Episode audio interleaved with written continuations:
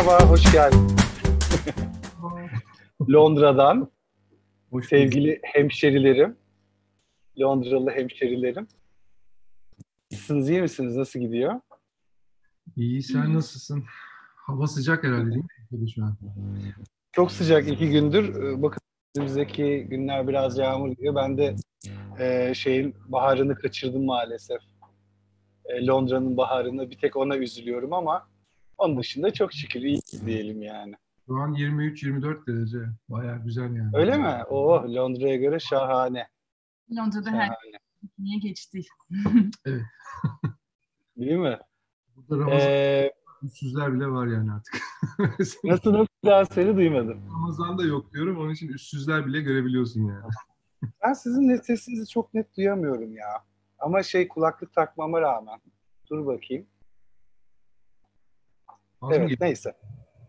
Yani böyle çok net değil yani daha önceki şeylerim gibi e, YouTube e, daha doğrusu Zoom.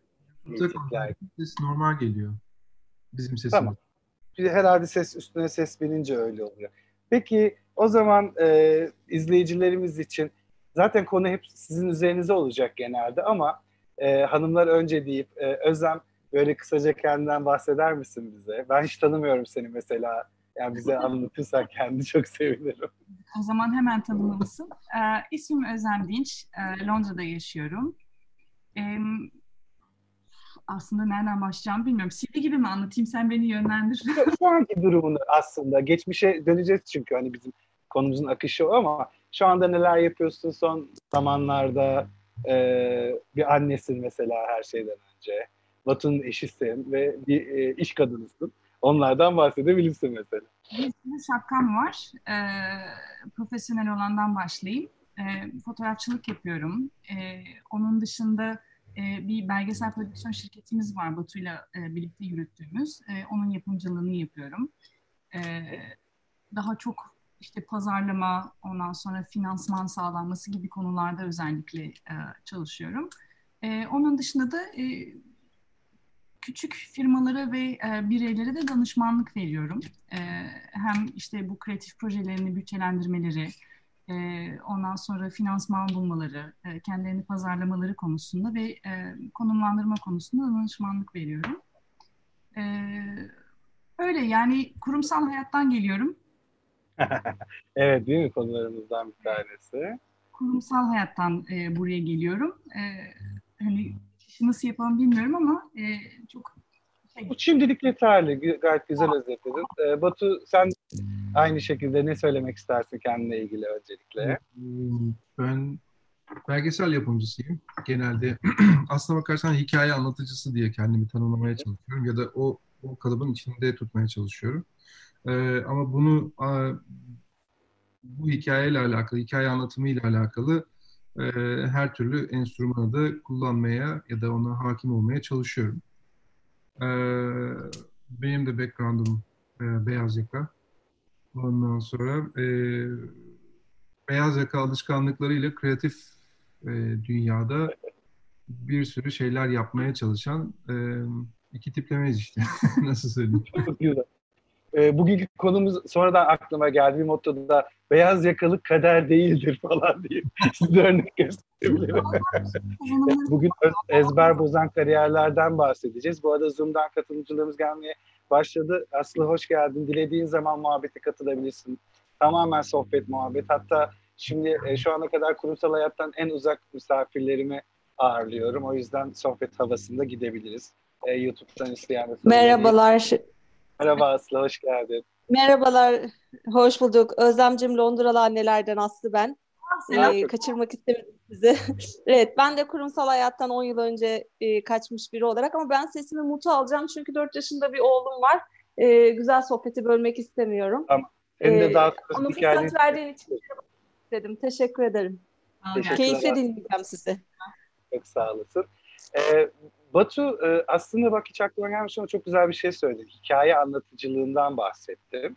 Hı hı. Ee, ve şu anda biliyor musun e, kurumsal hayat eskisi kadar içinde değilsin ama kurumların çoğu hikaye anlatıcılığına dönmüş durumda. Hatta geçen e, konuklarımdan biri şeydi, e, Bilgi Üniversitesi'nde öğretim görevlisi. yüksek lisans programlarının içinde hikaye anlatıcılığı diye ayrı bir dersleri var. E, bu konuya da daha sonra gelelim zamanımız olursa. Peki ben biraz daha öncesine dönmek istiyorum. E, ilk Batu sanırım sen bir kıt daha önce girişimcilik olarak değil de kurumsal hayata veda edip işte bir ortaklı bir firma kurdun. Sonra Özlem'le tanıştın. Şöyle bir hikayenizi baştan anlatmak ister misiniz? Ya e, ben öncelikle jeofizik mühendisiyim. yani ama şöyle bir şey hani konservatuvara girmek girmek istediğim zaman işte Allah rahmet eylesin babamın e, ne yapacaksın bas gitar çalacaksın da parmakların davul gibi olacak sabaha karşı evine döneceksin güzel bir hayat mı deyip e, gitmemi istemediği bir yöndü konservatuvar. Benim konservatuvar bir hayalim vardı. Yeteneğim var mı yok mu kısmını hala bilemiyoruz. e, belki de belgeselciliğe geçişimde bu soru işaretiyle kaynaklı olabilir yani psikolojik olarak. E, ama sonrasında jeofizik mühendisliğini e, okurken de işte hayatta kalmak için call center'larda falan çalışıyordum. İşte öğrencilik şey masraflarını çıkartmak için. O call center'larda e, genelde işte o zamanki yeni çağ e, internet e, sağlayıcılardı, servis sağlayıcılar. E, oradan bir şekilde de IT sektörüne geçiş yapmış oldum ve yazılım tarafını ve işte yazılım projelendirme gibi şeyler benim e, daha çok ilgi dünyamın içine girdi. Ve e, devam eden süreçte işte iksirin kurulup kaldırılması dahil olarak bütün sürecinde yer aldım. E, kepengi kapatan son 10 kişiden bir tanesiyim. Şu var ya kestaneci kokoreç hatırlarsın belki. Ya ne ne sükse yapmıştı o iksir değil mi? Ama o zaman da bu dial-up bağlantı vardı daha değil mi o zaman? 56K. 56K. Ben şeydim, sağ hizmetleri ve teknik test uzmanı olarak çalışıyordum iksirde. Çok çirkin geliyor kulağa Orada Oradaki işim şeydi, e, piyasadaki bütün e, ISP'lerin tamamını, servis sağlayıcıların tamamına aboneydim tester olarak ve hepsine her gün ping atıyordum. Ondan sonra trace route'lar yapıyordum falan filan. İşte e, performanslarını değerlendirip onlarla ilgili yorumlar çıkartıp e, o yorumları da işte şey veriyorum. Her neyse yani sonuç olarak e, IT geçmişim öyle başladı. E, sonrasında da e, IT ile alakalı birazcık daha e, boynuz kulağa geçer duruma gelince de e, işte iş değiştirdim. H&M'e geçtim. H&M'den sonra Arkas'a geçtim. Arkas'tan sonra da e, işte kendi şirketimi kurmaya karar verdim. İşte o vakitte e, merhaba işte o, o vakitte de işte şey oldum. E, söyle adını. E, girişimcilik hikayesi orada başladı. E, bir şirketi e, kurup yönetmek ve batırma konusunda bütün A'dan Z'ye bütün deneyime sahibim. E, batırma, bir şirket batırmış olarak. O noktada zaten battığı e, vakitte de biz Özlem'le tanıştık. O yani e, şey e, duraklama ve düşüş döneminde şirketin biz Özlem'le tanıştık. E, ondan Kötü sonra... günlerini görüp de aldın yani. sonra da işte e, ondan sonraki yeni hikayemiz başladı. Onu zaten yerine gelince şey yapalım. Buradan Özlem'e paslayalım o zaman trajik dedik, meraklandırdık insanları. Paylaşmak istersen tabii. Çok özel bir hikayesi var Özlem.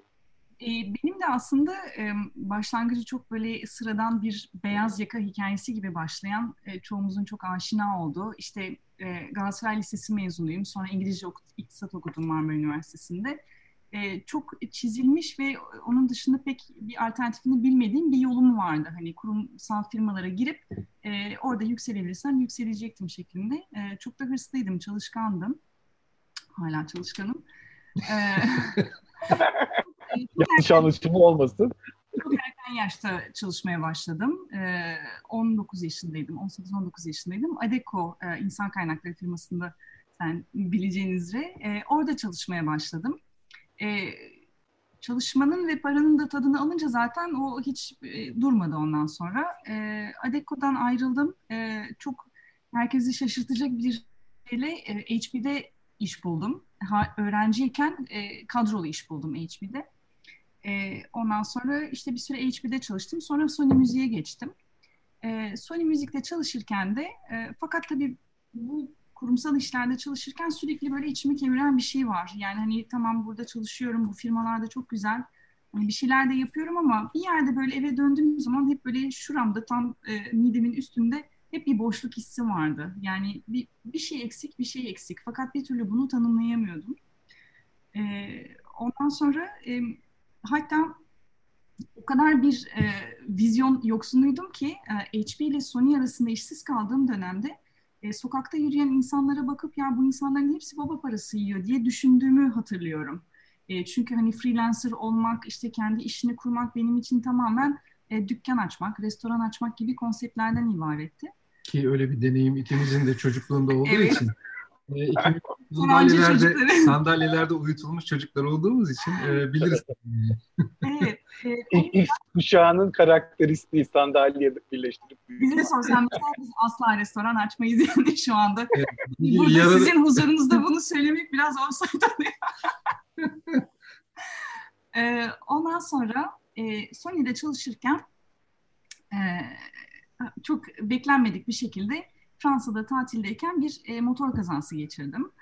E, bu çok basit gibi görünen bir motor kazası aslında işte e, bir gecede hayatımı alt üst eden ve e, hiçbir şeyin bir daha eskisi gibi olmamasına sebep olan bir olay oldu. E, şöyle ki e, yaklaşık olarak iki buçuk ay hastanede kaldım. E, ba- bacağımda bir kırık vardı E, ve bu bacağımdaki kırık e, dolaşım problemlerine sebep oldu ve e, onlarca ameliyat diyebilirim. Onlarca ameliyattan sonra kurtaramayacaklarını anladılar bacağımı ve e, bacağımı kesmek zorunda kaldılar. Bir amputasyon gerçekleşti yani. E, fakat çok uzun süre tekerlekli sandalyede kalmak zorunda kaldım. Yani çok ayrıntısına girmeden çünkü bence orada film gibi bir hikaye var başka yerde için. harcamayalım değil mi burada? Kariyer ekseninde kalalım. E, ben e, Paris'e bir haftalık bir tatiline e, bir tatile gitmişken e, bir buçuk sene e, Türkiye'ye dönemedim. E, ve bir buçuk senemi e, hastane odalarında e, çelik yatak, çelik dolap şeklinde e, geçirdim. E, bu bir buçuk dönemde e, henüz bu sosyal medyaların çok yaygın olmadığı, akıllı telefonların daha yeni yeni başladığı. Dolayısıyla hani o bir buçuk senemi boş kalmışken böyle Instagram veya Facebook'ta çürütebileceğim bir dönem değildi. E, çokça düşünecek vaktimin olduğu bir döneme dönüştü. E, ve hep şu soruyla geldim. E, ufakta bir ölüm tehlikesi atlattım bu e, tedavi süreci içerisinde. E, soru hep dönüp dolaşıp şuna geldi yani. Bana ikinci bir şans verildi ve ben hayatımla ne yapıyorum? 26 yaşındaydım o dönemde. Ondan sonra e, ve bu soru hayatımın eksenine geldi, oturdu. E, o bir buçuk senede işte ben Paris'te olduğum için e, Batu e, İstanbul'daydı. E, ayrı geçirdiğimiz bir dönem oldu. E, sonrasında da e, tabii şimdi engelli oldum ya hani protez kullanıyorum. E, ailemin de tabii çok böyle bu konuya hakim olmamasıyla onların gözünde engelli bir insana dönüştüm. Hani acaba işte Türkiye'ye dönmesen abilerim Fransa'da yaşıyordu o dönemde. Acaba Fransa'da mı kalsan e, onların yanında hani yakınında kalsan daha iyi olur. Niye diye soruyorum. Kimsenin de böyle dilin ucuna kadar gelmiyor hani artık engellisin diye. E, ben inat ettim. E, Türkiye'ye geri döneceğim dedim ve Türkiye'ye geri döndüm. O zamanlar işverenim olan Sony Müzik e, benimle çok yakından ilgilendi ve işime geri dönebildim. Fakat e, ben artık eski ben değildim e, orada. Ve bir akşam e, Batu ile bir konuşmamız oldu. Şey, şey şeklinde. Hani bu hayata bir kere geldik ve şu anda ben işte 27 yaşındaydım. Sen de artık 31-32 yaşındaydın. E, ne yapıyoruz biz hayatımızda? Mutlu muyuz? Nereye gitmek istiyoruz? E, şeklinde. E, ve şey dedim yani şu anda bir kariyerini değiştirebilecek bir şansın olsa ne yapmak istersin dedim. O da belgesel yönetmeni olmak isterim dedi. Hiç bilmediğim bir şekilde. Aa falan oldum. Ondan sonra ben de fotoğraf çekmek istiyorum dedim. Ne duruyoruz o zaman? Ne sektörle bir e, şeyimiz var, e, alakamız var, ne insan tanıyoruz. Böyle e, beyaz yakalarımızla, sivrilerimizle iki tane böyle kelaynak gibi duran insanlardı. Ve cebimizde de sıfır para vardı. Bu kararı zaten verebilmemizin sebebi bundan daha dibi göremeyiz. Kararımızı Sıfır- verirsek Sıfırı, sıfırı tanımlamak lazım yalnız. 10 lira şey alacak paramız vardı. Hayır. Evet. bir cesaret. İkiniz de kendi hayatlarınızdan sorumluydunuz. Artık birlikte yaşıyordunuz ama bir anne baba desteği yok maddi olarak. Ee, ne bileyim e, bir, hiçbir birikiminiz yoktu. Bir paraya güvenip de çıkmadınız. Yani büyük bir birikiminiz yoktu. E zaten ama, güzelliği orada yani. Paran olmadığı için kaybedecek bir şeyin yok yani. Sadece harcayacağın şey zaman. Doğru o da cesaretlendirmiş olabilir. Aslında güvendiğimiz bir şey vardı. Çok e, alakasız bir şekilde web sitesi yapmayı biliyorduk. çok kurtardı Ya öyle bir şey ki. Bizi burada. Sen, sen biliyorsun Krebi mesela bizim köpeği. Ee, köpeğin e, mama masraflarını e, onu götürdüğümüz veterinerin web sitesini yaparak karşılıyor. Çocuğumuzun mama masrafı hayvanın protein ihtiyacı e, bizden daha proper bir şekilde çalışıyordu yani o yaptığımız evet. web sitesi sayesinde. Biz o kadar et yemiyorduk öyle söyleyeyim. Ayrıca o barterlar sayesinde o barterlar sayesinde de çok caz dinledik onu da söyleyebilirim. Aa, burada birine gönderme yapıyoruz galiba. burada şey e, videosu da açık evet. olduğunu tanıtabiliriz diye düşünüyorum. Zuhal abla yanında da Önder abi. E, Zuhal Focan ve Önder Focan. Nardis Caz sahipleri. Evet. E, onlarla bile bir caz dinlemek için barter yap, anlaşması yapmayı başardık zamanında. Yani ne cazımızdan ne köpek mamamızdan eksik kalmadık. Kendimiz e, günlerce, aylarca makarna yememize rağmen. Aynen. Vallahi ne güzel de dostluklar kurmaya başlamışsınız dönemde. Hala da süren dostluklar. Ya aslında şey ee, mesela be, beyaz yakadan e, şeye geçtiğin vakitte e, birincisi o kadar seni özellikle 20'li yaşlarını beyaz yakada geçirdiğin zaman e, kurduğun dostluklar da genelde o o camiadan olduğu için e, o camia ile yaptığın arkadaşlığın şeyi bir anda değişiyor. E, sana ne tepki vereceklerini bilmiyorlar. Sen diyorsun ki ben işte e, Ayrı iki hafta kapanıp yani. şimdi bir şey çalışacağım, bir, bir hikaye üzerine çalışacağım dediğin zaman böyle kafasını eğip bakıyor yani. Hani ne demek istiyorsun ya da ne ala e, ne zaman çalışacaksın? Anladım bunu yapacaksın da ne zaman çalışacaksın diye sorular alıyorsun. Böyle hani o işten sayılmıyor gibi bir durum vardı. Bir bir de ikincisi e, bunun tam tersi de e, kreatif taraftaki insanların da e, işe yaklaşma şekli konusunda e, o kadar bir e, bir şey var ki e, basiretsizliği vardı. İlk ilk e, şey olarak gördüğüm. Mesela hani e, şu cümleyi çok duyuyordum. Ya evet benim ona bakmam lazım bir ara vakit bulup. E, ben sana bir ara bir e-mail atacağım. Mesela bir beyaz yakaya bunu söylesen hıçkırdığı anda telefondan birine bir şey yazabilir yani. Hani o kadar hızlıdır bunun için. Ama kreatif taraftaki insanlara baktığında da onlar için dünyanın ayrı bir sonu gibi. Böyle e, bir şeyi dokümante etmek, bir şeyi haber etmek, bir şeyi bilmem ne yapmak falan filan. Dolayısıyla bu, bu iki kontrast arasında böyle biz bir bir ara şeyin içine girdik. Bir arafa girdik aslında bakarsan. Ee... Aslında o kadar da konuşacak şey var ki hangi birini sorsam şaşırdım. Ee, çok güzel e, sorular geliyor aklıma. Ee, mesela sen şey dedin, e, bu beyaz yaka böyle bir bakar. Bu e, sen, mesela ikiniz iyi bir takımsınız aynı zamanda. Tabii ki muhtemelen çatışmalarda yaşıyorsunuz. E, çünkü e, gözlemlediğim kadarıyla hem iş kimliği olarak hem de e, davranışsal kimlik olarak apayrı profillersiniz ve yaklaşık 10 senelik bir evliliğiniz var. Hesaplayamıyorum artık. O kaç senedir birliktesiniz? 13. 13 sene. Şimdi Özlem benim tanıdığım kadarıyla bunu konuşuruz da e, çok mükemmeliyet. Yani çok mükemmeliyetçi değil de işini en iyi yapmak için zamana yayar. E, ve çok detaya hakimdir. Detaylara da bakar. Ve çok güzel işler çıkartır. Batu desen Batu e, korkunç bir motivatör. İyi, iyi anlamda korkunç bir motivatör. e, süper bir motivatör ve hemen haydi yapalım hop falan filan. Batu'ya Batu'ya fikri ver o fikrin cümlesi bitmeden hadi kalk yapıyoruz der bazen abartısız. E, ve o yüzden ve hiç iyi bir liderdir. Peşinden insanları güzel sürükler, etkiler. E, dolayısıyla e, birlikte yola çıktığınız bir sorum e, işte kendi işini kurmak isteyen özellikle kişilere yönelik bir soru e, cevaplama olacak bu. Ne tür zorluklarla karşılaştınız? İki, takım olmada ne tür zorluklarla karşılaştınız? Bunu nasıl zenginliğe çevirdiniz? İki tane sorum var size. Özlem buyur. Ne tür zorluklarla karşılaştık? Her türlü zorlukla karşılaştık birincisi. E, çünkü bir birikimle yola çıkmadık. E, kaybedecek bir şeyimiz yok. Bundan daha dip bir noktayı göremeyiz düsturuyla yola çıktık. E, açıkçası çok zorlandığımız zamanlar oldu. E, fakat kendimize yola çıkarken şöyle bir şey söyledik. Yani şu anda bu kariyer değişikliğini yapmamız için en uygun zaman. E, dolayısıyla hani bunu yaptık yaptık. Eğer 5 sene sonra bunun kararını vermek istersek çok daha farklı olacak diye. Çünkü ikimiz de böyle kariyerlerimizde çok sıçrama yapabileceğimiz noktalardaydık ve bir süre sonra e, o lüksten vazgeçememek gibi bir riskle karşı karşıya kalacaktık. Dolayısıyla e, her şeyden evvel maddi zorluklarla e, karşılaştık. Fakat oradaki yani bir B planıyla aslında hareket etmek gerekiyor orada. Hani tabii ki bir cesaret gerekiyor ama e, o kadar da körü körüne bir cesaretle de atlamadık. Hani tamam işte şu anda bir bileziğimiz var, web sitesi yapabiliyoruz.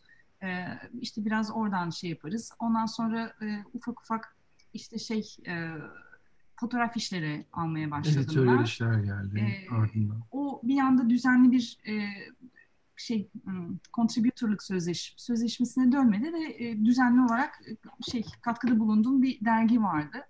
E, evet, Skylight dergisine katkıda bulunuyordum.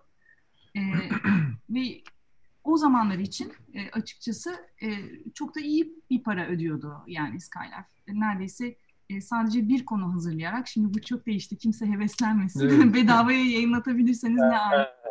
Yani, O e, dönemde dediğim copywriter'lık o kadar ayağa düştü ki artık gerçekten. Evet. o dönemde çok ciddi tarifler ödeniyordu.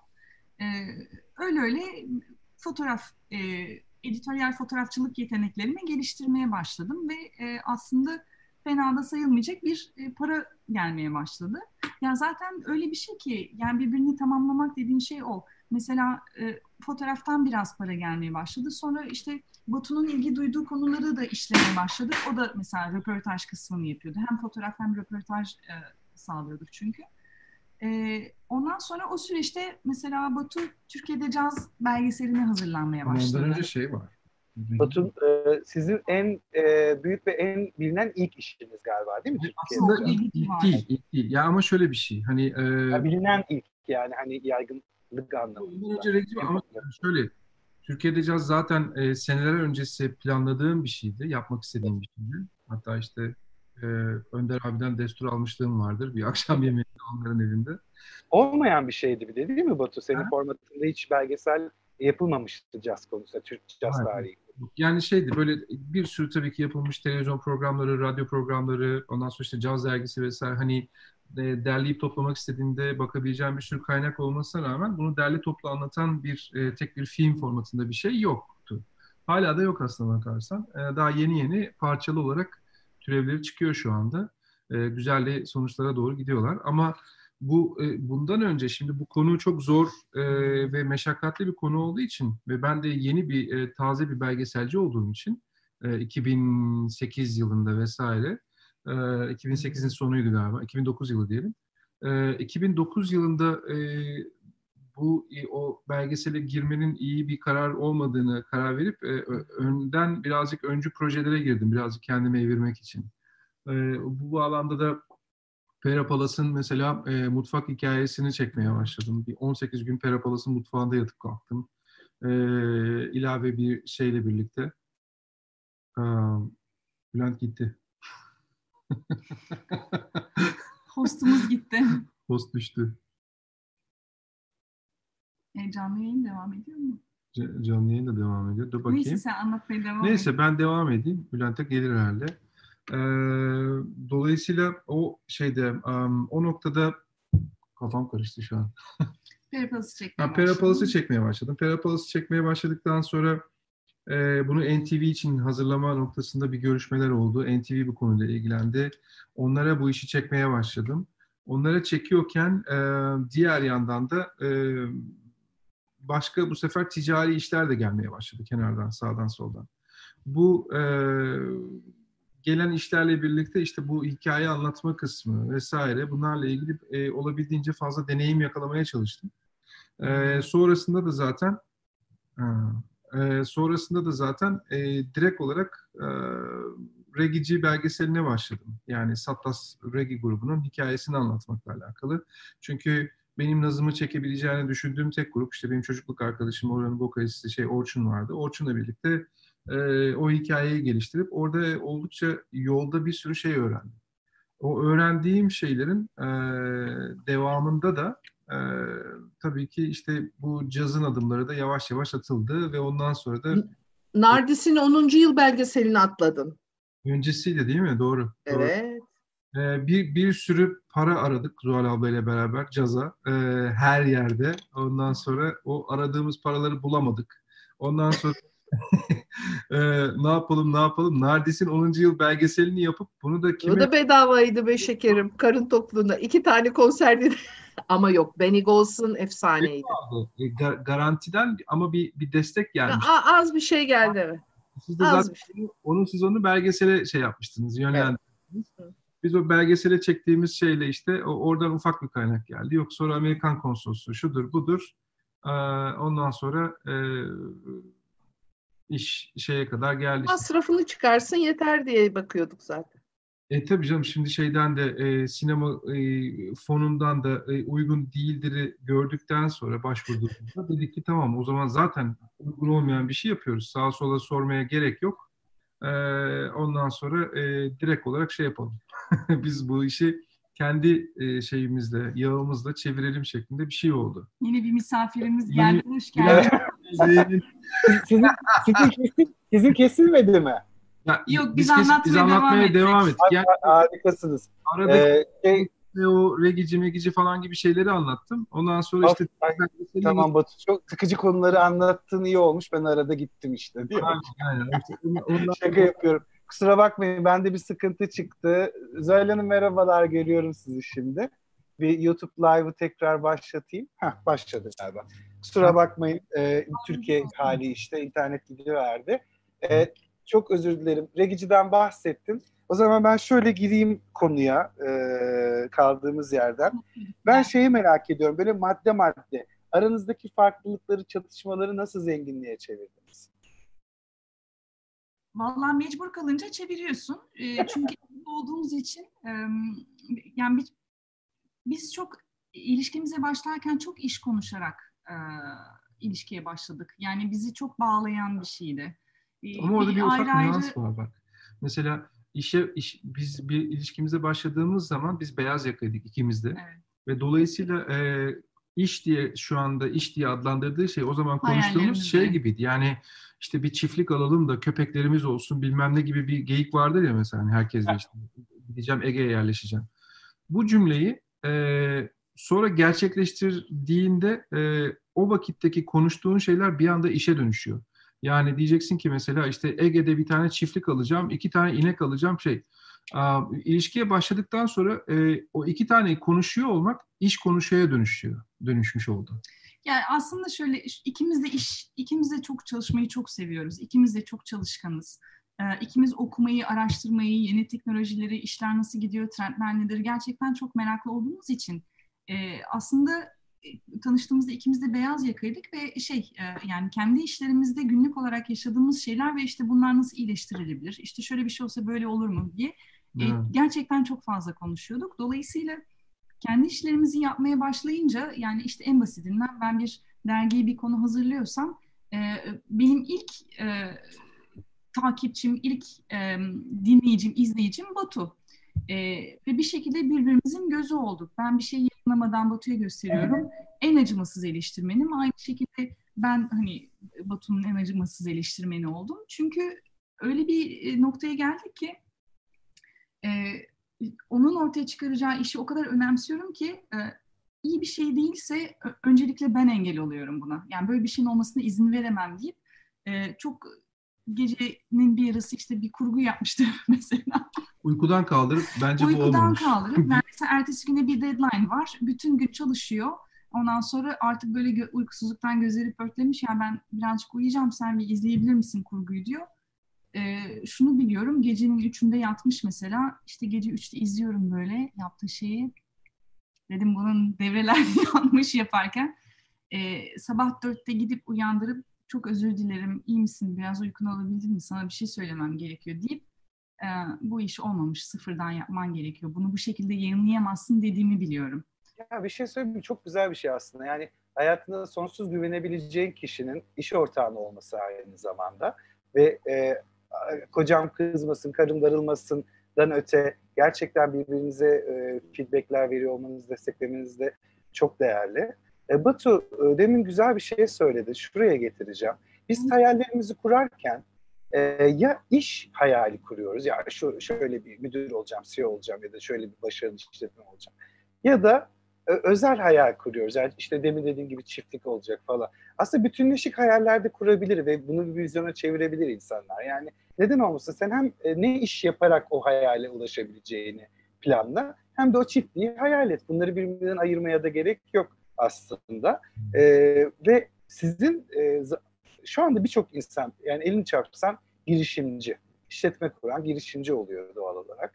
E, ve ben bunu çok da destekliyorum yani mikro işletmeleri aslında fikir olarak. Ben de bir mikro işletme sahibi olarak. Ama sizin yola çıktığınız zamanlarda işte bundan 10 sene önce bu kadar da yaygın değildi. Hatta siz benim önümdeki ilk örneksiniz ve gerçekten muhtemelen siz olmasaydınız bambaşka bir iş yapıyorum ben sizden ama e, kendi e, danışmanlık firmamı kurmazdım ki benim riskim daha azdı. Siz 180 derece beyaz yakalarınızdan farklı bir beyaz yaka işlerinizden farklı bir şey yaptınız. Ama ben en azından mesleki işimi serbest işe çevirebildim. Dolayısıyla benim önümde çok önemli bir hikayeydiniz siz. E, ki Londra'ya taşınmada da sizden cesaret alarak e, ilerledim.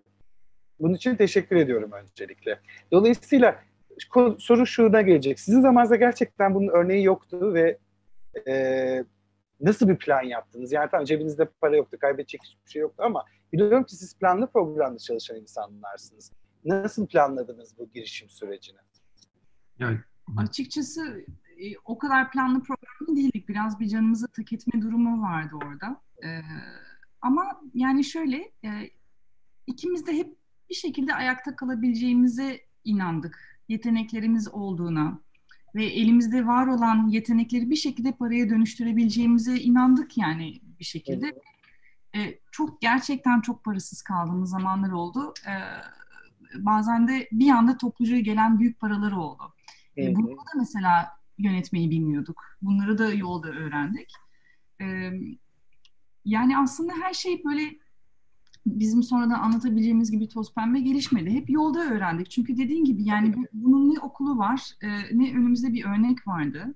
E, ve gerçekten çok uzunca bir süre yalnızlık çektik. Çünkü bizim gibi çalışan e, veya böyle bir karar almış kimseyi de tanımıyorduk gerçekten. Rol model yoktu önünüzde mi? Hatta o yüzden ben onun üzerine mesela işte sevdiği işi yapmak için kariyer değiştiren insanlarla ilgili bir proje yaptım sonrasında. Yani öyle insanlara biraz erişebilmek için de e, o dönemde aslında e, bayağı ilgi görmüştü. Sonradan devam ettiremedim. Başka projelere eğildim ama e, ya aslında şeyi görüyorsun. insanların bir açlığı var. Yani herkes plazalara girip şu anda bir anket yapsan e, işinden memnun olan kaç kişi çıkar? Ama e, bunu bozmaya cesaret edecek de e, yüzde biri geçmez yani. Öyle bir durum var. Yani şey var aslına bakarsan şu an e, herhangi bir şekilde hayallerinin önüne geçmekle alakalı ya da e, hayalini gerçekleştirmekle alakalı sahip olduğu konforu e, bırakma cesareti diye bir durum yok. E, e, bu da şöyle bir durum aslına bakarsan yani senin hayat alışkanlıklarınla alakalı bir şey. O hayat alışkanlıkların da maalesef senin e, bu maaşlı sistemin içinde e, şu an girişi, girişimcilikle ayrımını söylüyorum. Kreatif tarafta bunun üzerine ayrı bir katman yani. E, maaşlı e, yaşamla e, girişimci yaşam aynı işi yapsan bile mesela sen aynı işi yapıyorsun. E, arasında bin kat fark var. E, kaygılar daha farklı ve e, onun yarattığı stres de daha farklı. Bir bağlamda biz diyoruz ki biz daha cesuruz. Ama diğer bağlamda e, onlar daha az stresli belki de bu bağlamda.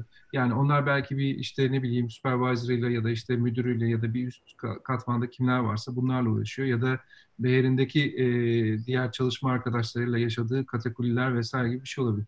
Ama girişimcilik noktasında o hayatta kalma kaygısı e, sana bir stres yaratıyor ama diğer yandan da e, doyum noktası inanılmaz yüksek. Besliyor değil mi? Onda kazanmaya başladığın noktada. Yani şu şöyle gibi oluyor aslında. Hani e, biz kendi işimizi yapalım ama hiç çalışmayalım. Zaten kendi işimizi yaptığımız için mutluyuz. Hiç çalıştığımızı hissetmiyoruz gibi bir hikaye. E, ben o kadar çok inanmıyorum ona. Yani en sevdiğin işi yapsan bile e, bu işin içinde mutlaka bir amelelik kısmı var. Bir hamallık kısmı var. Çok o hamallık kısmını yok sayarak bir şey yapmak. Mesela işte ben belgesel çekeceğim diye başladığımda E, gittim Perapalas'ın işte şeyini çekiyorum. NTV ile anlaşıyorum. Şu o ben filmi çekeceğim paralar kazan. O böyle. Olmadı öyle bir şey. Yani oralardan o beklediğim paralar gelmiyor. E, düzensizlik var. E, koşturman gerekiyor. Bir sürü şey yapman gerekiyor. E, bunları ya, yapmaya çalışırken de e, şey yapıyorsun. Durmadan tökeziyorsun. Çünkü zaten e, belli bir yaşındayken o devri e, şey ne derler dönüşümü yaşadığın için kendine ait bir soru işaretin de sürekli devam ediyor orada. Yani acaba doğru mu yapıyorum, yanlış mı yaptım, doğru mu yapıyorum, yanlış mı yaptım vesaire diye. E, bu noktada direkt karşımıza çıkan şey aslına bakarsan alternatif yandan para kazanma şeyleri üretiyorsun. İşte dedim ya mesela caza e, şey yapıyorduk, para bulmaya çalışıyorduk caz belgeseline. Çıktığında eminim çok iyi bir şey yaratacak, etki yaratacak e, iyi yerlere olacak. Bak bu, bu, bu 8. senesi film çıkalı. Hala da konuşuluyor. Daha İKSV e, 30 Nisan'da paylaştı. İşte hemen bir 6 bin 7 bin izleyici cat diye tak tak diye düştü birkaç gün içinde izlemeye falan. E, ama caz belgeselini yapıyorken para olmadığı için biz ticari filmler yapmaya başladık. Yani nedir? Kurumsal belgeseller, şunlar bunlar. Oradan e, para kazanıp bir kısmını fon yapıp e, belgeselin içine şey yapıyorduk. Ama bir devinim sağlıyorduk.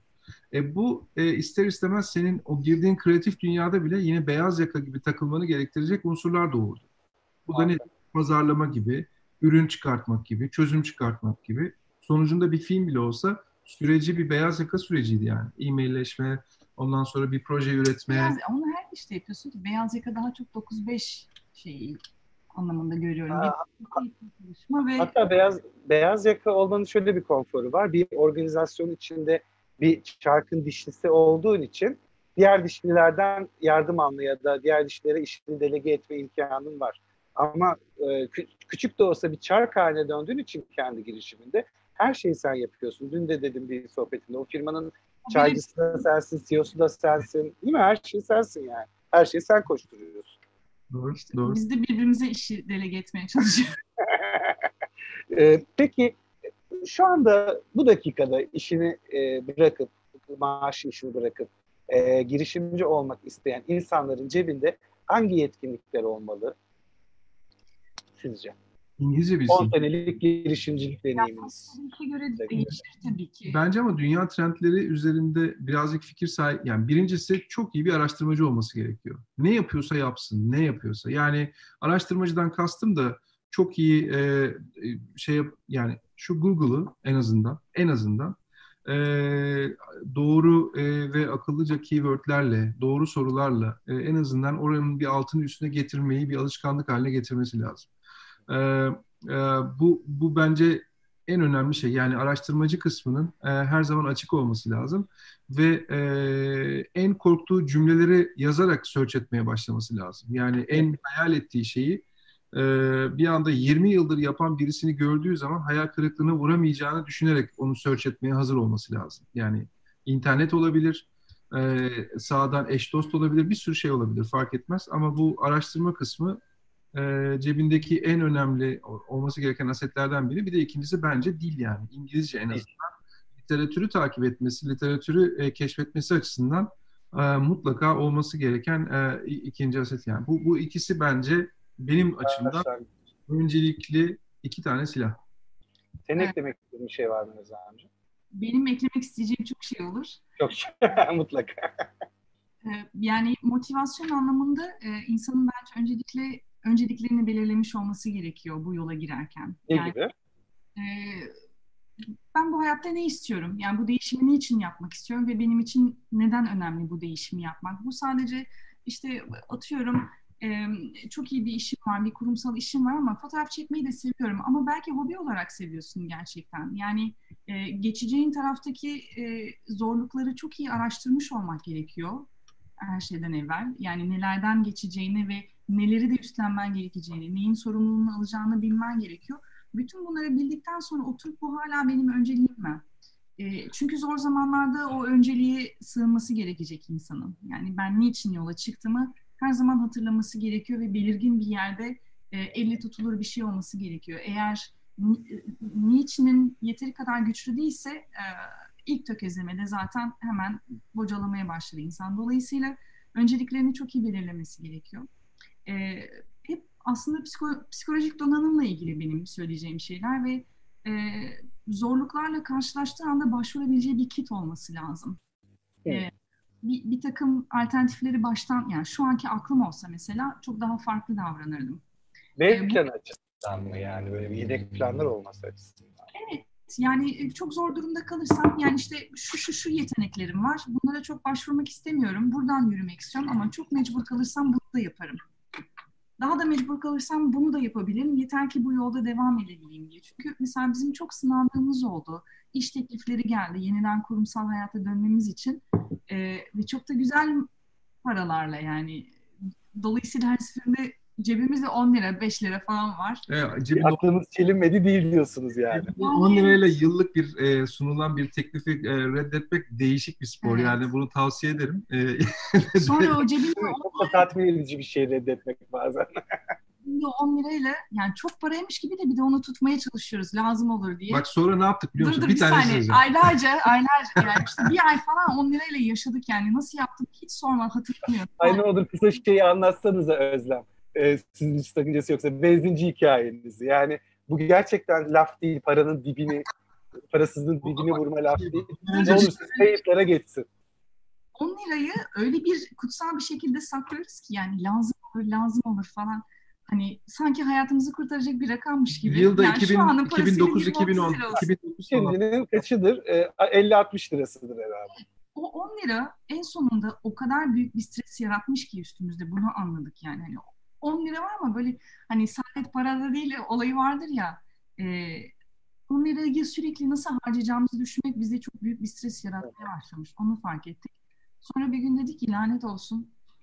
Gittik çay içtik o parayla. Rahatlama geldi. Dedi ki "Aa, aa, tamam artık hiç para yok. Gerçekten bildiğin metelik yok yani. Ee, bizim öyle birkaç günümüz var yani e, hayatımızda. Bu da onlardan bir tanesiydi. O strestense biz onu çay olarak içelim gitsin bitsin dedik. Çay olarak içtik onu. Bayağı da stresimizi aldı yani. İyi de geldi. Hararetimiz dağıldı. İlk çayları içemedik çünkü para yetmedi yani. Birer tane çay içtik. üç şey Üç bardak. Neydi, neydi. Her neyse. Öyle Evet. Bu- Özlem, senin önerilerine e, devam edeceğim. E, Gökçe önce bir kalp göndermiş, bizden de kalp, bir de sorusu olmuş. Buna ben cevap vermek isterim sizin cevaplarınızdan sonra. Girişimcilikte bir yerden sonra kurumsallaşmayı gerektirmiyor mu? Diyor Türkiye'de tecrübeli bir kişi olarak sizin fikrinizi almak istiyorum. Nasıl baktığına bağlı. Yani yapmak istediğin işi sen kurumsal e, disiplin içerisinde e, bir ticaret haline dönüştürmek istiyorsan tabii ki öyle bir şey. Yani bugün e, atıyorum e, şu an harika içerikler sunan bir Netflix'e bile baksan e, Netflix şu anda bildiğin kurumsalın dibi çukuru bir yer yani. Tamamen işte bir format al, format sat, yapımcılık bilmem ne bunların içinde bir şey. E, ya da herhangi bir e, film yapım şirketi falan filan hani bir, kendi işimizle alakalı olduğu için söylüyorum. Bunların hepsi gayet ciddi kurumsal ve çok disiplinli çalışan şirketler. Ama Evet. bunun dışında e, kreatif yaşamayı bohem yaşamak gibi e, gösteren, gözüken ya da öyleymiş gibi yaşayan tiplemeler var tabii ki. E, başta bir, bir süre e, biz de bunun şeyine de kapıldık bu arada. Yani e, rüzgarına öyle söyleyeyim. Hani şey gece geç saate kadar sabaha kadar oturup işte arada durmadan içkisini içip falan şimdi gelecek de ben onu şey yapacağım e, ilham şimdi gelecek şunu yapacağım. Sanki bir hani belki de filmlerin etkisinde kalmış olmaktan eskiden seyredilmiş falan filan. Hani böyle böyle bir bir varmış gibi bir şey var olabilir ama yani. olabilir de bu arada. Gerçekten hani bundan feyz alarak ya da bundan beslenerek icat ed- şey yapan e, üretim yapan bir sürü de sanatçı var yani. Onları tenzih ederim tabii ki bu işi yapanları. E, ama e, en azından e, bizim gibi şeyden e, beyaz yakadan gelenlerin e, bir bir şeyi var. E, nasıl söyleyeyim? E, hani küçükken anneden terlik yemişsindir tiplemeleri var ya onun gibi bir e, biz zamanında bununla alakalı beyaz yakada e, bizim şey, çapaklarımızın tamamı tırpalanmış, e, raspalanmış bir şekilde biz bu kreatif tarafa geçtik. Bu bağlamda da e, biz hala bir, bayağı kreatif bir şey üretiyor olmamıza rağmen bayağı bunun proje dokümanını çıkartıyoruz. İşte efendim söyleyeyim e, dokümantasyonunu yapıyoruz, yazışmaları yapılıyor.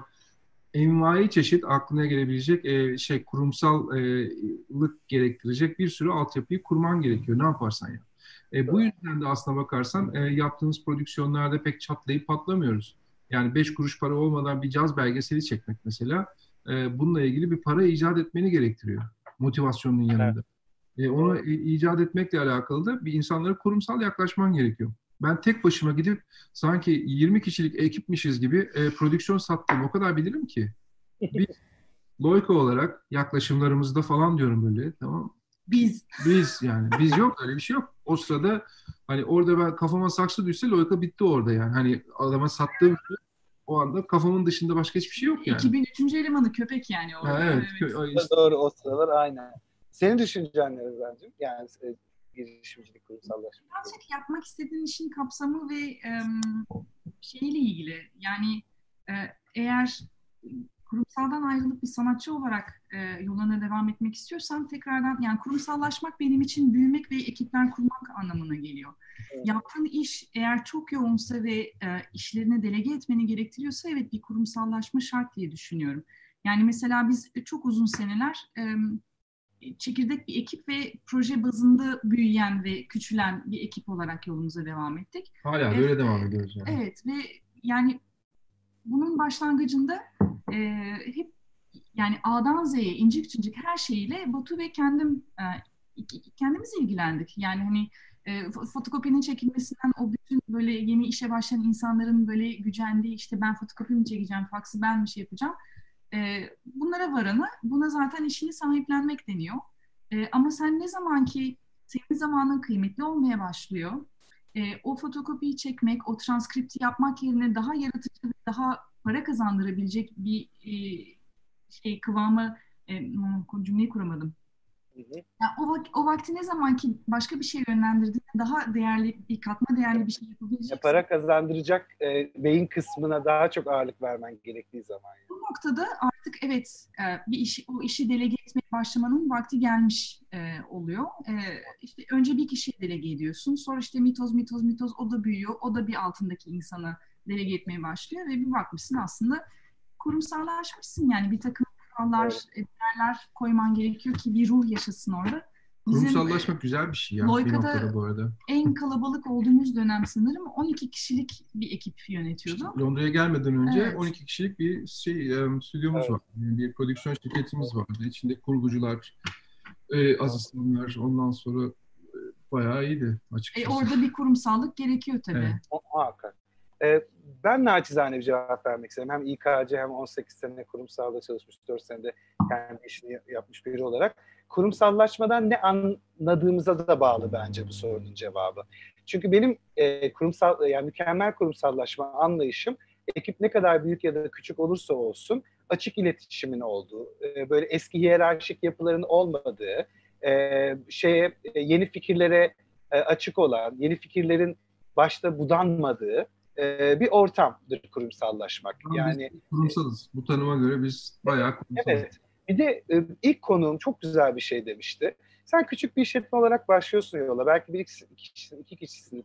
Eczacıbaşı gibi davranma. Zaten senin en büyük avantajın küçük balık olmak. Çok hızlı hareket edebiliyorsun çünkü. Siz de kurumsaldan sonra bazı süreçlerinizin ne kadar hızlı olduğunu fark etmişsinizdir. Dolayısıyla çok kurum yani gördüğümüz özellikle Türkiye'deki kurumsal diyen çoğu firma zaten kurumsal değil ki. Bırakın biz de küçük kurumsal olmayalım. Ama e, bizim anlattığımız anlamda Özlem Batu ve benim evet zaten bir şekilde kurumsallaşmaya doğru gidiyorsun. Hatta burada e, Zuhal Hanım bizi ilgiyle dinliyor.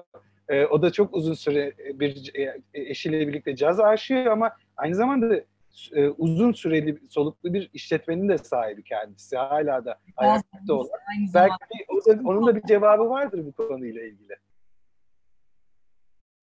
Sesini açsana. Ha, sesli- Açtım açtım. Açtım şimdi.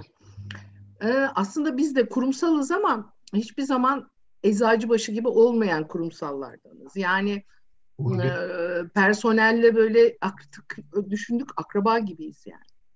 Ama yani bütün çevremiz, müşteri de sonra akraba gibi oluyor. Çok acayip. Yaptığımız işten kaynaklanıyor belki de. Çok güzel. İşte yani bu. e, her- Herkesin kurumsal anlayışı farklı.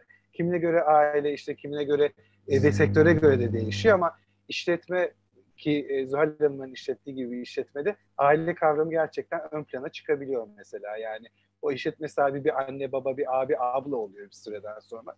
Belki de o şekilde işte insan kaynağını sürdürülebilir kılıyor. Çok teşekkürler Zuhal Hanım. Peki, e, aslında çoğu şeyi konuştuk. Özlem sana bir sorun var. Hani hep o kazayla başladı ya her şey diyoruz. Bu e, nasıl söyleyeyim e, kararları kolaylaştırdı. O kaza yaşanmasaydı bu noktada olur muydunuz ya da e, nasıl farklı bir noktada olurdunuz? Çok e, şey bir soru, e, tahmin sorusu ama ne düşünürsün? O kaza olmasaydı neler değişik olurdu hayatında? Ee, o kaza olmasaydı tahmin ediyorum ki yine eninde sonunda böyle bir noktaya gelirdim. Ee, çünkü e, içsel gelişimim ve çünkü yani şeyi söylememin sebebi oydu. Ee, ben kazayı geçirmeden önce de kurumsal hayatta çalışırken hep içimde bir boşluk vardı. Ee, ve insanlarla da sohbetim olurdu. Yani hani yaptığın işi seviyor musun? Hani nasıl duruyorsun? İşte e, sevdiğin işe geçebilecek olsan ne yapardın diye böyle bazı insanlar boş gibi, bazı insanlar ya öyle bir dünya yok. İşte aç kalırsın. Yani bütün çıkış yollarının kapalı olduğu bir şey ama o boşluk var. Şimdi ben çok böyle e, kurumsal durmayacak belki söylediğim şey ama ben Aslan Burcu'yum. E, bir şey yapmaya ve bunu ortaya koymaya ihtiyacı duyan bir insanım. Ve bunu elimde tutup göstermek istiyorum. Bunu ben yaptım demek istiyorum. Ve insanlardan da tepki almayı seven bir insanım. Şimdi e, mesela... evet, Zuhal Hanım sormuş ya seramik devam mı vardı. Hatırlamayacak gibi. Çok güzel. O, o bardak, Özlem, bar... Özlem yaptı. Evet. Özlem bardak. İki Söyle tane mi? bu kimseye vermiyorum. Sadece ben kullanıyorum. Elde yıkıyorum falan. Çok bu arada ben e, çok çıraklığını yaptım Özlem'in. Belki o kalıbı ben bile dökmüş olabilirim. Bilmiyorum.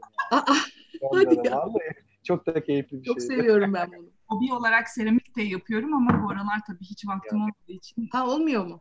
Yok hiç ayıracak hiç vaktim yok. Fırınım her şey duruyor ama malzeme. Fırını fırını kuyu yapmak için kullanıyoruz artık. Ya enteresan şekilde e, internetten çok büyük bir sipariş düştü şu anda ve böyle düşünüyorum yani hangi arada yapacağım diye. Neyse ayrı bir konu. E, yani diyeceğim şu ki e, insanın içine o ateş düşmeye görsün. Eğer o ateşin peşinden gidersen eninde sonunda bir girmen gerekiyor. Çünkü başka türlü sana rahat yok. Geceleri gözüne uyku girmeyecektir. Eğer Aynen. önemseyen bir insansan. Ben e, iş yerinde günümüzün 9 saatini geçiriyorsak benim orada mutlu olmam lazım. Kesinlikle. E, ben bundan yola çıkıp e, kararlarımı da buna göre e, verdim hayatımda. Dolayısıyla eninde sonunda kazayı geçirmesem bile e, bu sonuca gelirdim. Ama kaza ne yaptı? Bazı işleri çok hiç hazır değilken kucağıma attı. Yani bunları düşünmen gerekiyor dedi. Günlerce, aylarca yani bir buçuk sene boyunca dört beyaz duvar arasında ben kimim, neyim, 26 yaşındayım. Tam öyle bir yaş ki yani bir şeyler yapmışım ve başarılı e, diye ad, addedilen bir kariyerim vardı. Hani e, hem iyi okullar hem e, iyi böyle gıptayla bakılan şirketler işte o şirketlerin pazarlamasında yani ben Sony'de çalışırken e, Shakira'nın Pink'in backstage'inde geziyordum yani ayıptır söylemesi. İnsanlar böyle o falan diye bakıyorlardı. Evet çok güzel. Yani müzik sektörüne de çok isteyerek bir geçiş yaptım e, işte transfer edilebilir skill'ler falan filan yani bütün üzerinde çalışarak yaptığım bir geçişti. Fakat e, yine bir yerde tıkandım yani 11'lere kadar çalışıyorum. Yine de içimde bir boşluk vardı. O yüzden o kaza sadece süreci hızlandırdı. Ama Şimdi benim gece dileğim, birlere kadar çalışıyor. E, ve net olarak yani şu anda bununla ilgili çalışmalar da yapıyorum. E, benim dileğim e, ve çalışmalarım da o yönde. İnsanlar başlarına bir bela gelmeden, büyük bir felaket gelmeden e, bunun farkına varsınlar istiyorum. Bir şey olmasını bekliyorum. Kesinlikle her zaman da musibet yaşamak zorunda değiliz. Amerika'yı tekrar da keşfetmeye gerek yok. Özlem çok önemli bir şey söyledim. Biraz klişe ama içindeki ateşi gerçekten ben de birileri bana sorarsa ilk bunu söylerim. Batu'nun ve senin söylediklerin çok, çok önemli ama içinde bir ateş varsa herkes de girişimci olmak zorunda değil bu arada. Yani kurumsala e, tüy kaka yap, yapmıyoruz biz burada.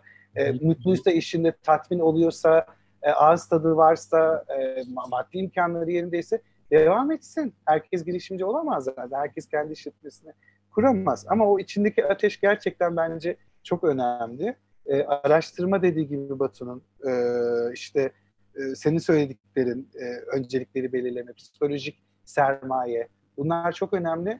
Buna bir de şeyi çok eklerim. Çok iyi bir sosyal medya ve dijital kullanıcı olsunlar. Yani dünya artık dijital üzerine dönüyor ve her gün yeni şeyler öğreniyor. Demek istiyorum ona. Ee, bir şekilde kendine bir destek grubu oluşturulması çok iyi olabilir. Yani ne bu, açıdan Özlemci? Ne desteği anlayamadım. bu yola daha önce girmiş insanlar, Evet. daha önce yapmış insanlar. Yani bir takım böyle e, mentorlar bulması bence çok faydasını olur. Bravo. Bravo. Rol modeller belirlemesi. Aynen. Yani, e, şeyden düştüğünü hissettiği anda, enerjiden düştüğü anda onu kolundan tutup hadi yolunu hatırlatacak insanlarla çevrelenmesi şeylerden Bir de seçtikleri işle alakalı ya da yapmak istedikleri bu ikinci girişimle alakalı e, o durum psikolojisini önceden yani nerede olacağını, nerede olmak istediğini hayal etmesi ve e, sanki olmuş gibi e, oradaki psikolojiyi birazcık önden tahmin etmeye çalışması lazım. Oh, Bu çok bazen öyle bir şey ki e, dersin ki işte ben sürekli insanlarla içe, iç içe olacağım, işte iletişimimin çok kuvvetli olacağı bilmem ne bir şey olmak istiyorum deyip e, bunun fikri ve konuşması başta çok güzel e, kulağa geliyorsa da e, bu oluştuktan sonra gerçekten istediğinin bu olmadığını fark etmiş insanlarla tanıştım ben. Ve dolayısıyla o bağlamda sürekli bir e, arayış içinde olmasını da gördüm. Dolayısıyla bunu bu noktada e, insanların olmak istediği, yapmak istediği, hele hele belli bir e, kariyerin ortasındayken bırakıp yeni bir kariyere geçme noktası gibi bir şeye girecek, girişeceklerse o yeni giriştikleri işle alakalı mutlaka mutlaka e, başarılı diye düşündükleri raddedeki kendi olası hallerini hayal etmelerini e, tavsiye ederim. E, nasıl bir hayatın içinde olduklarını, nasıl bir iletişim içinde olacaklarını, ne tarz para kazanacaklarını ve o parayla nelere sahip olabileceklerini gibi bunların hepsinin bir arada olduğu bir durum psikolojisini önden bir tahmin etmeye çalışmalarında fayda var. Konuştukça Valla ortaya arka, arka, arka arkaya o kadar güzel şeyler söylüyorsunuz ki biz normal kendi içimizdeki sohbetleri de böyle Zoom formatında mı yapsak? Acayip güzel, kaç senedir tanıyorum, acayip güzel şeyler söylüyorsunuz. Ee, bu- Batu buna mutluluk simülasyonu da diyebiliriz gerçekten. Var olmak istediğin noktayı hayal edip o enerjiyi toplamak bence süper bir fikir. Ben böyle spiritüel şeylere falan çok inanmıyorum ama bu çok çok determinist bir şey. Bunu yapabilirsin, hayal edebilirsin. Ama ayağın sürekli yerde olması gerekiyor. Onun. Muhakkak. Yani şey gibi bu e, eski Türk filmlerinde ah göremiyorum falan filan diye şey ama kapıcı kapıya geldiği zaman aa o tavuk karası olmuş ya diye anda e, bildiğin halk arasında bir şey oluyor. Yani bir takım şey, hayaller bilmem neresi öbürü de gerçekteki e, halk deyimi de bu diye bir şey bulması gerekiyor. E, ne derler bir düzlem bulması gerekiyor. O düzlemin de mutlaka bir ayağının e, yere değmesi şart. Yani böyle bulutlar üzerinde bir ikinci hayat diye bir şey yok. O ikinci hayat dediğin o toprak sonrası olan hikaye bulutlar üzerinde yani. Hayal kurmak e, bedava ama e, tabii ki ayakların yerden kesinlikle sürece. Pardon Özlem. konuştukça ortaya çıkıyor ama böyle şey Evet. hani daha önceden üzerinde böyle madde madde düşünmüş olduğum bir şey olmadığı için e, aklıma şey geliyor yine Batu anlatırken aklıma geldi. E, insanın esnek olması gerektiğini düşünüyorum. E, gelen gelişmeleri yani mesela e, işte ben e, fotoğraf çekmek istiyordum ama beraberinde yazı geldi. Aa evet yazı da bir sürü şeyi açtı bana. Yazıdan da bir sürü şey ilerledim. Ondan sonra yani kendine bir yol çizip bir ana e, yol çizip e, ama etrafta gelen şeyleri de hep açık olmayı gerektiriyor. E, bence bu yola girecek insanların yapabileceği en önemli şeylerden bir tanesi de o açıklığı korumak. Yani bunu olmak için yola çıktın ama kendine bambaşka bir şey olmuş ama çok daha mutlu bir şekilde de bulabilirsin aslında. Doğru. Esnek yani böyle taştan taşa atlayabilecek şekilde.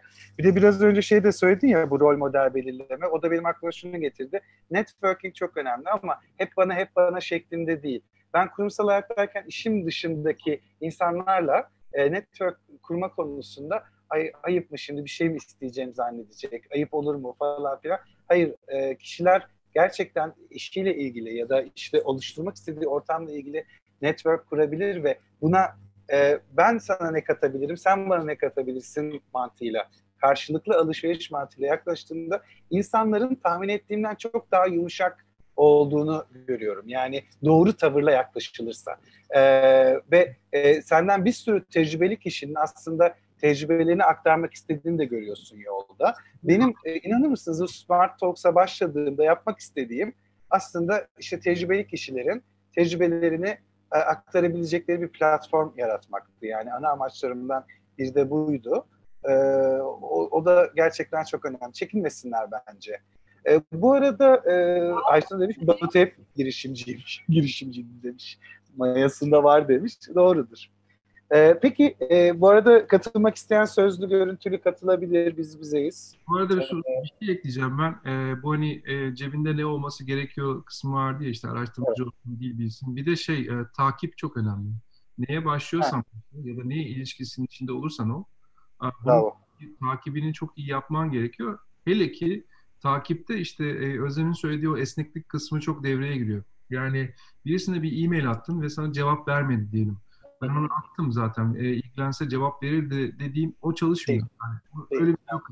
Yani senin e, ondan hayır cevabını alana kadar, seninle ilgilenmediğinin cevabını alana kadar o e, şey ısrarda bulunman gerekiyor. Çünkü bazen evet. o kapı açıyor. E, evet. Çünkü şey senin bu konuda ne kadar e, tutkulu olduğun, ne kadar bunu yapmak istediğinle alakalı. Çünkü bence e, bu konuya bilgi birikimin, girişimcilikle alakalı yeteneklerin vesaire her şey olabilir ama bu belki yüzde ellidedir. E, diğer yüzde ellinin ben takip olduğuna inanıyorum.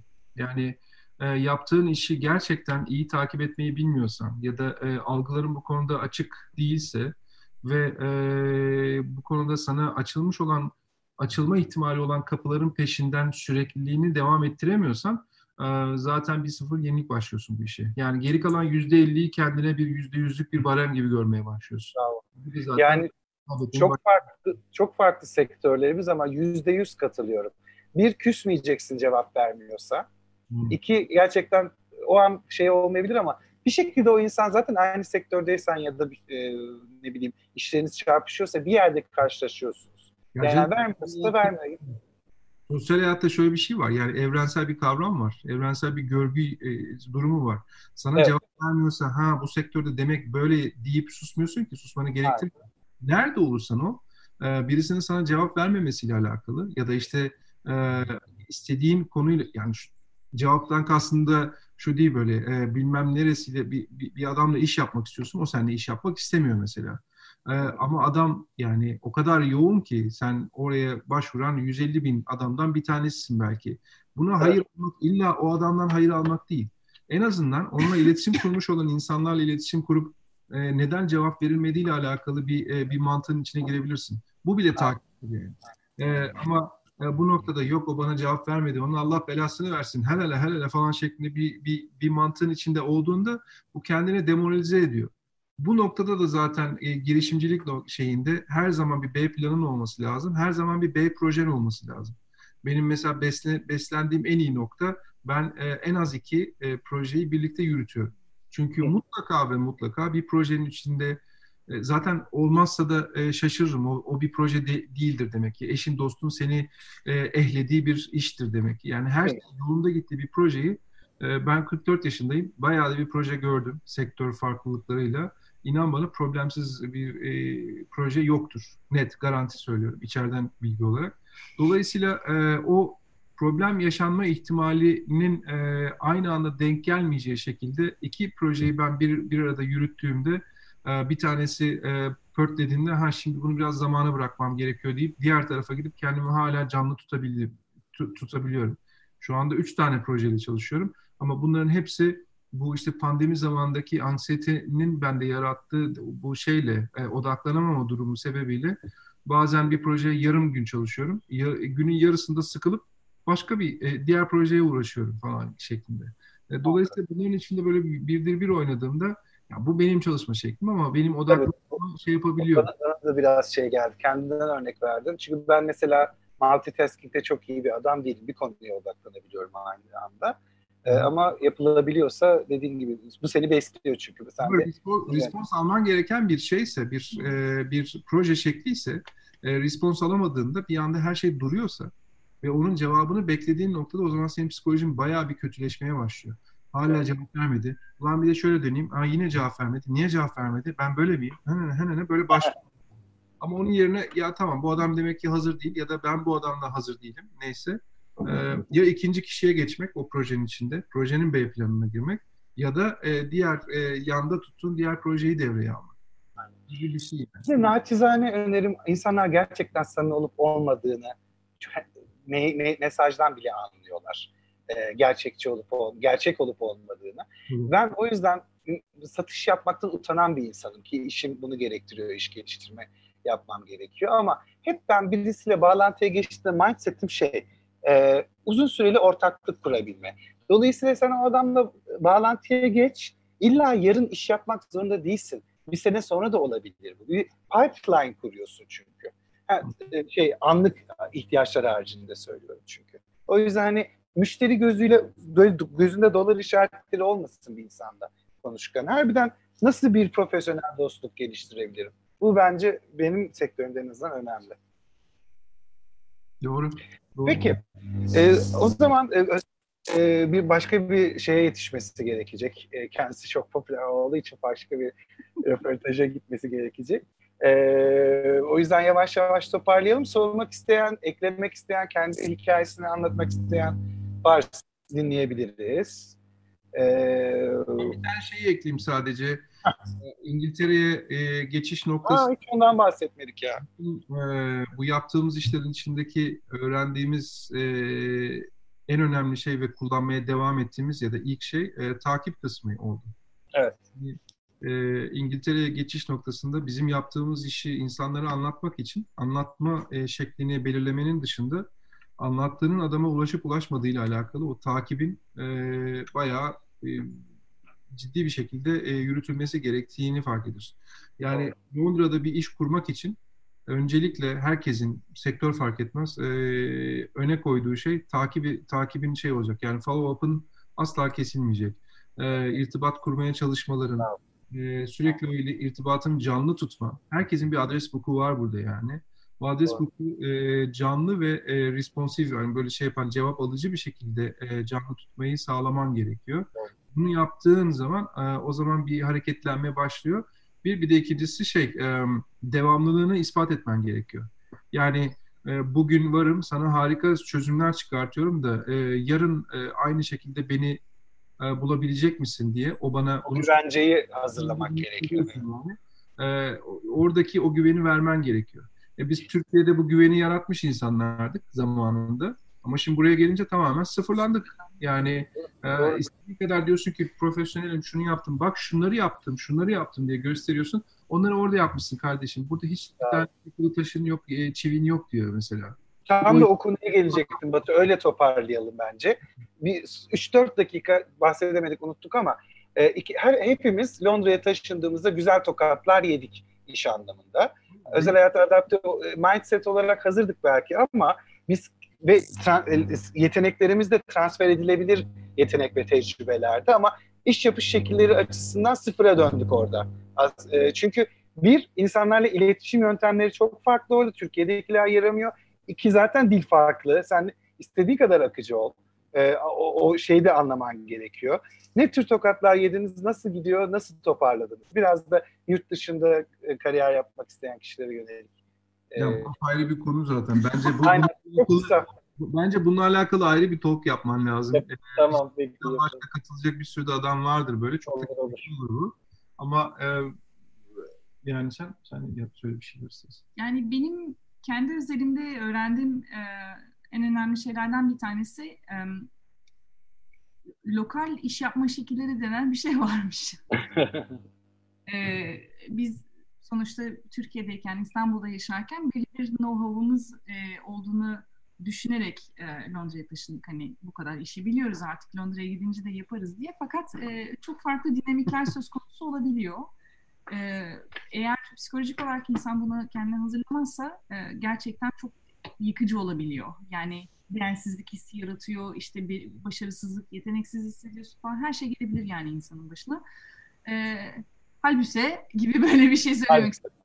Halbuki işte orada buna buna dikkat etmek gerekiyormuş. Mesela e, yani Türkiye'de özellikle bizim sektörde yani ben işte ne bileyim fotoğraf projeleri falan yaptığım zaman e, birazcık daha böyle kreatif projelerde çalışmak istediğin insanla bir araya gelip bir şeyler birlikte türetelim, birlikte geliştirelim ya, mantığında ilerleyebiliyorsun. Hani ya bir tanışsak bir kahve içelim, birlikte ne ortaya koyabiliriz diye.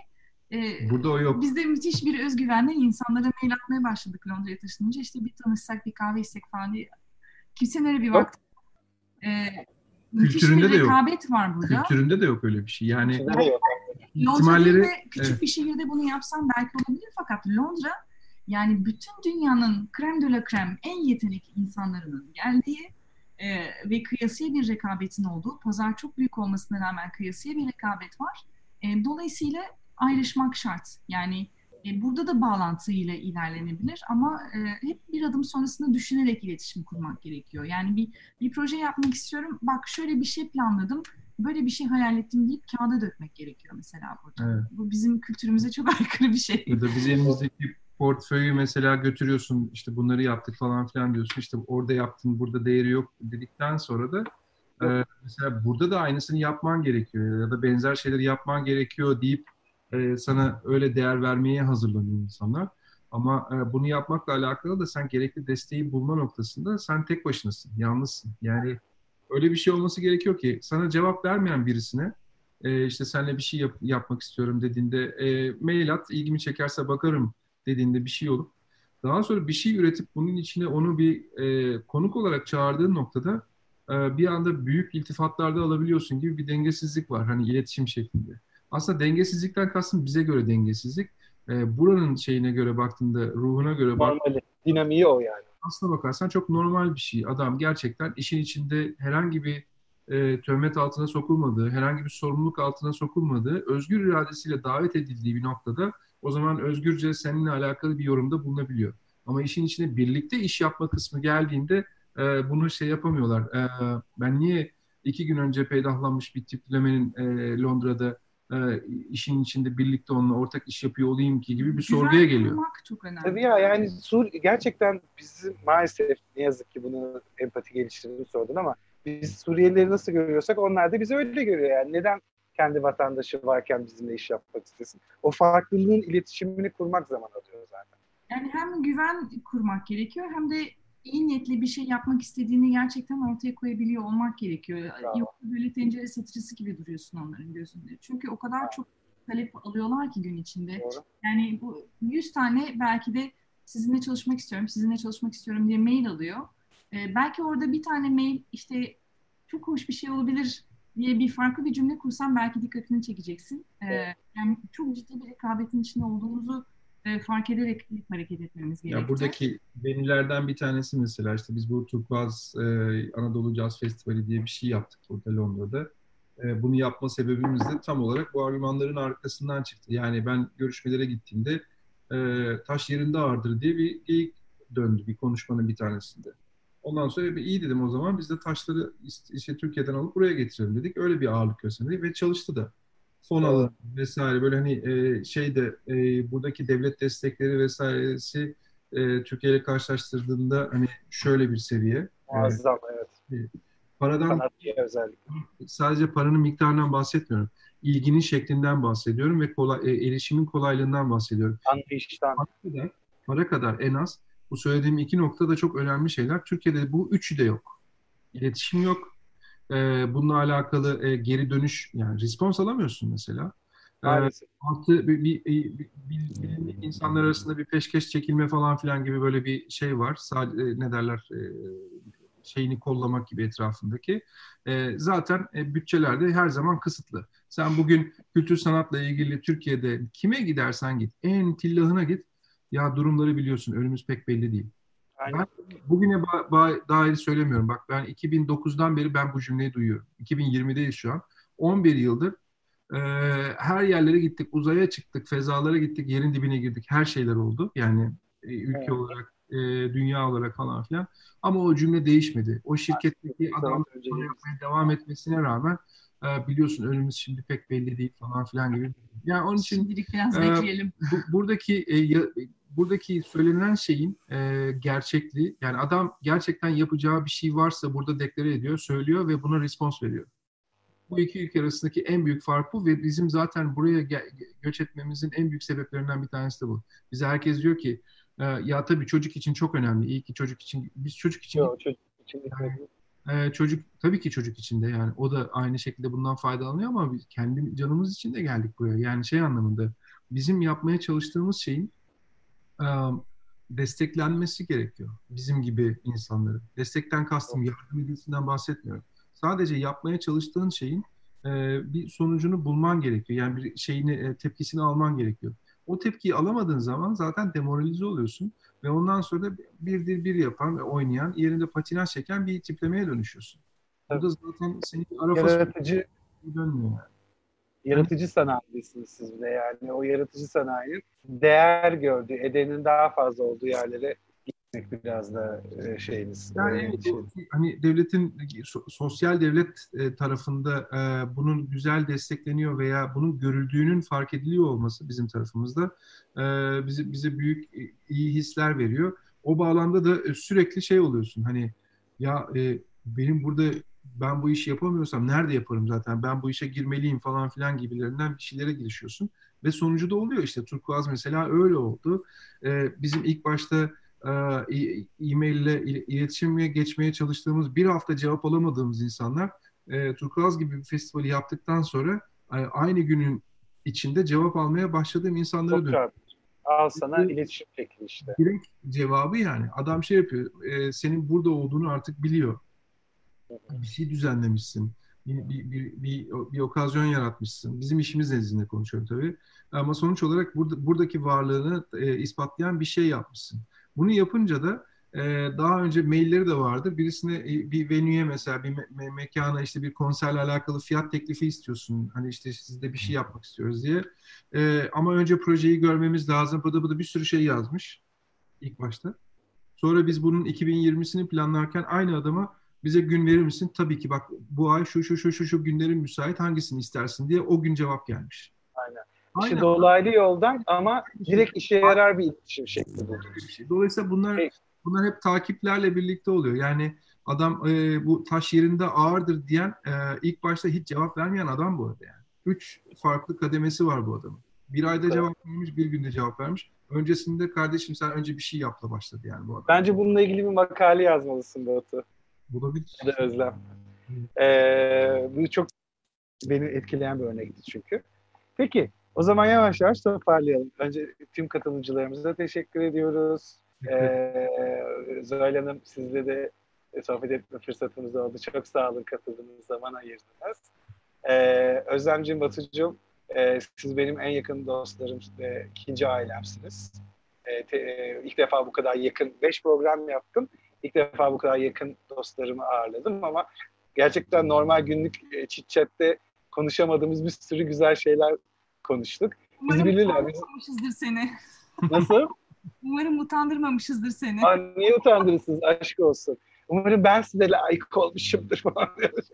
şey, e, günlük hayatımız bizi bilen bilir yani hiç 40 küsur yaş muhabbeti yapmayız. Biz çok eğlenceli böyle kakara kikiri muhabbetimiz. Bu da değişik böyle güzel, daha ciddi kimliklerimizle yaptığımız bir sohbet oldu. Ama bak bir şey söyleyeceğim. Şu İngiltere'ye e, göç eden işletmelerle alakalı bence bir talk yapmalısın yani. E, Yapalım. Ama bir açık talk gibi böyle hani dört Evet kişi, seminerimizi böyle daha şey.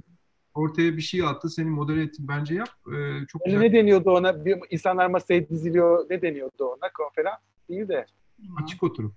Açık seminer gibi böyle 7-8 kişi, 5 kişi, 6 kişi herkes kendi hikayesi. Herkesin 3 dakika konuşma. Çok bana ayırdığınız için. Ee, en kısa sürede kavuşmak dileğiyle. Temmuz'da geliyorum inşallah. Herkese de çok teşekkür ediyorum. Yayınımız burada sona eriyor. Bay bay. Teşekkür Hanım sizle de görüşelim inşallah. Ee, Valla muhabbet etmek isterim en kısa sürede. Kendinize iyi bakın. Görüşürüz. Hareketi yaptılar.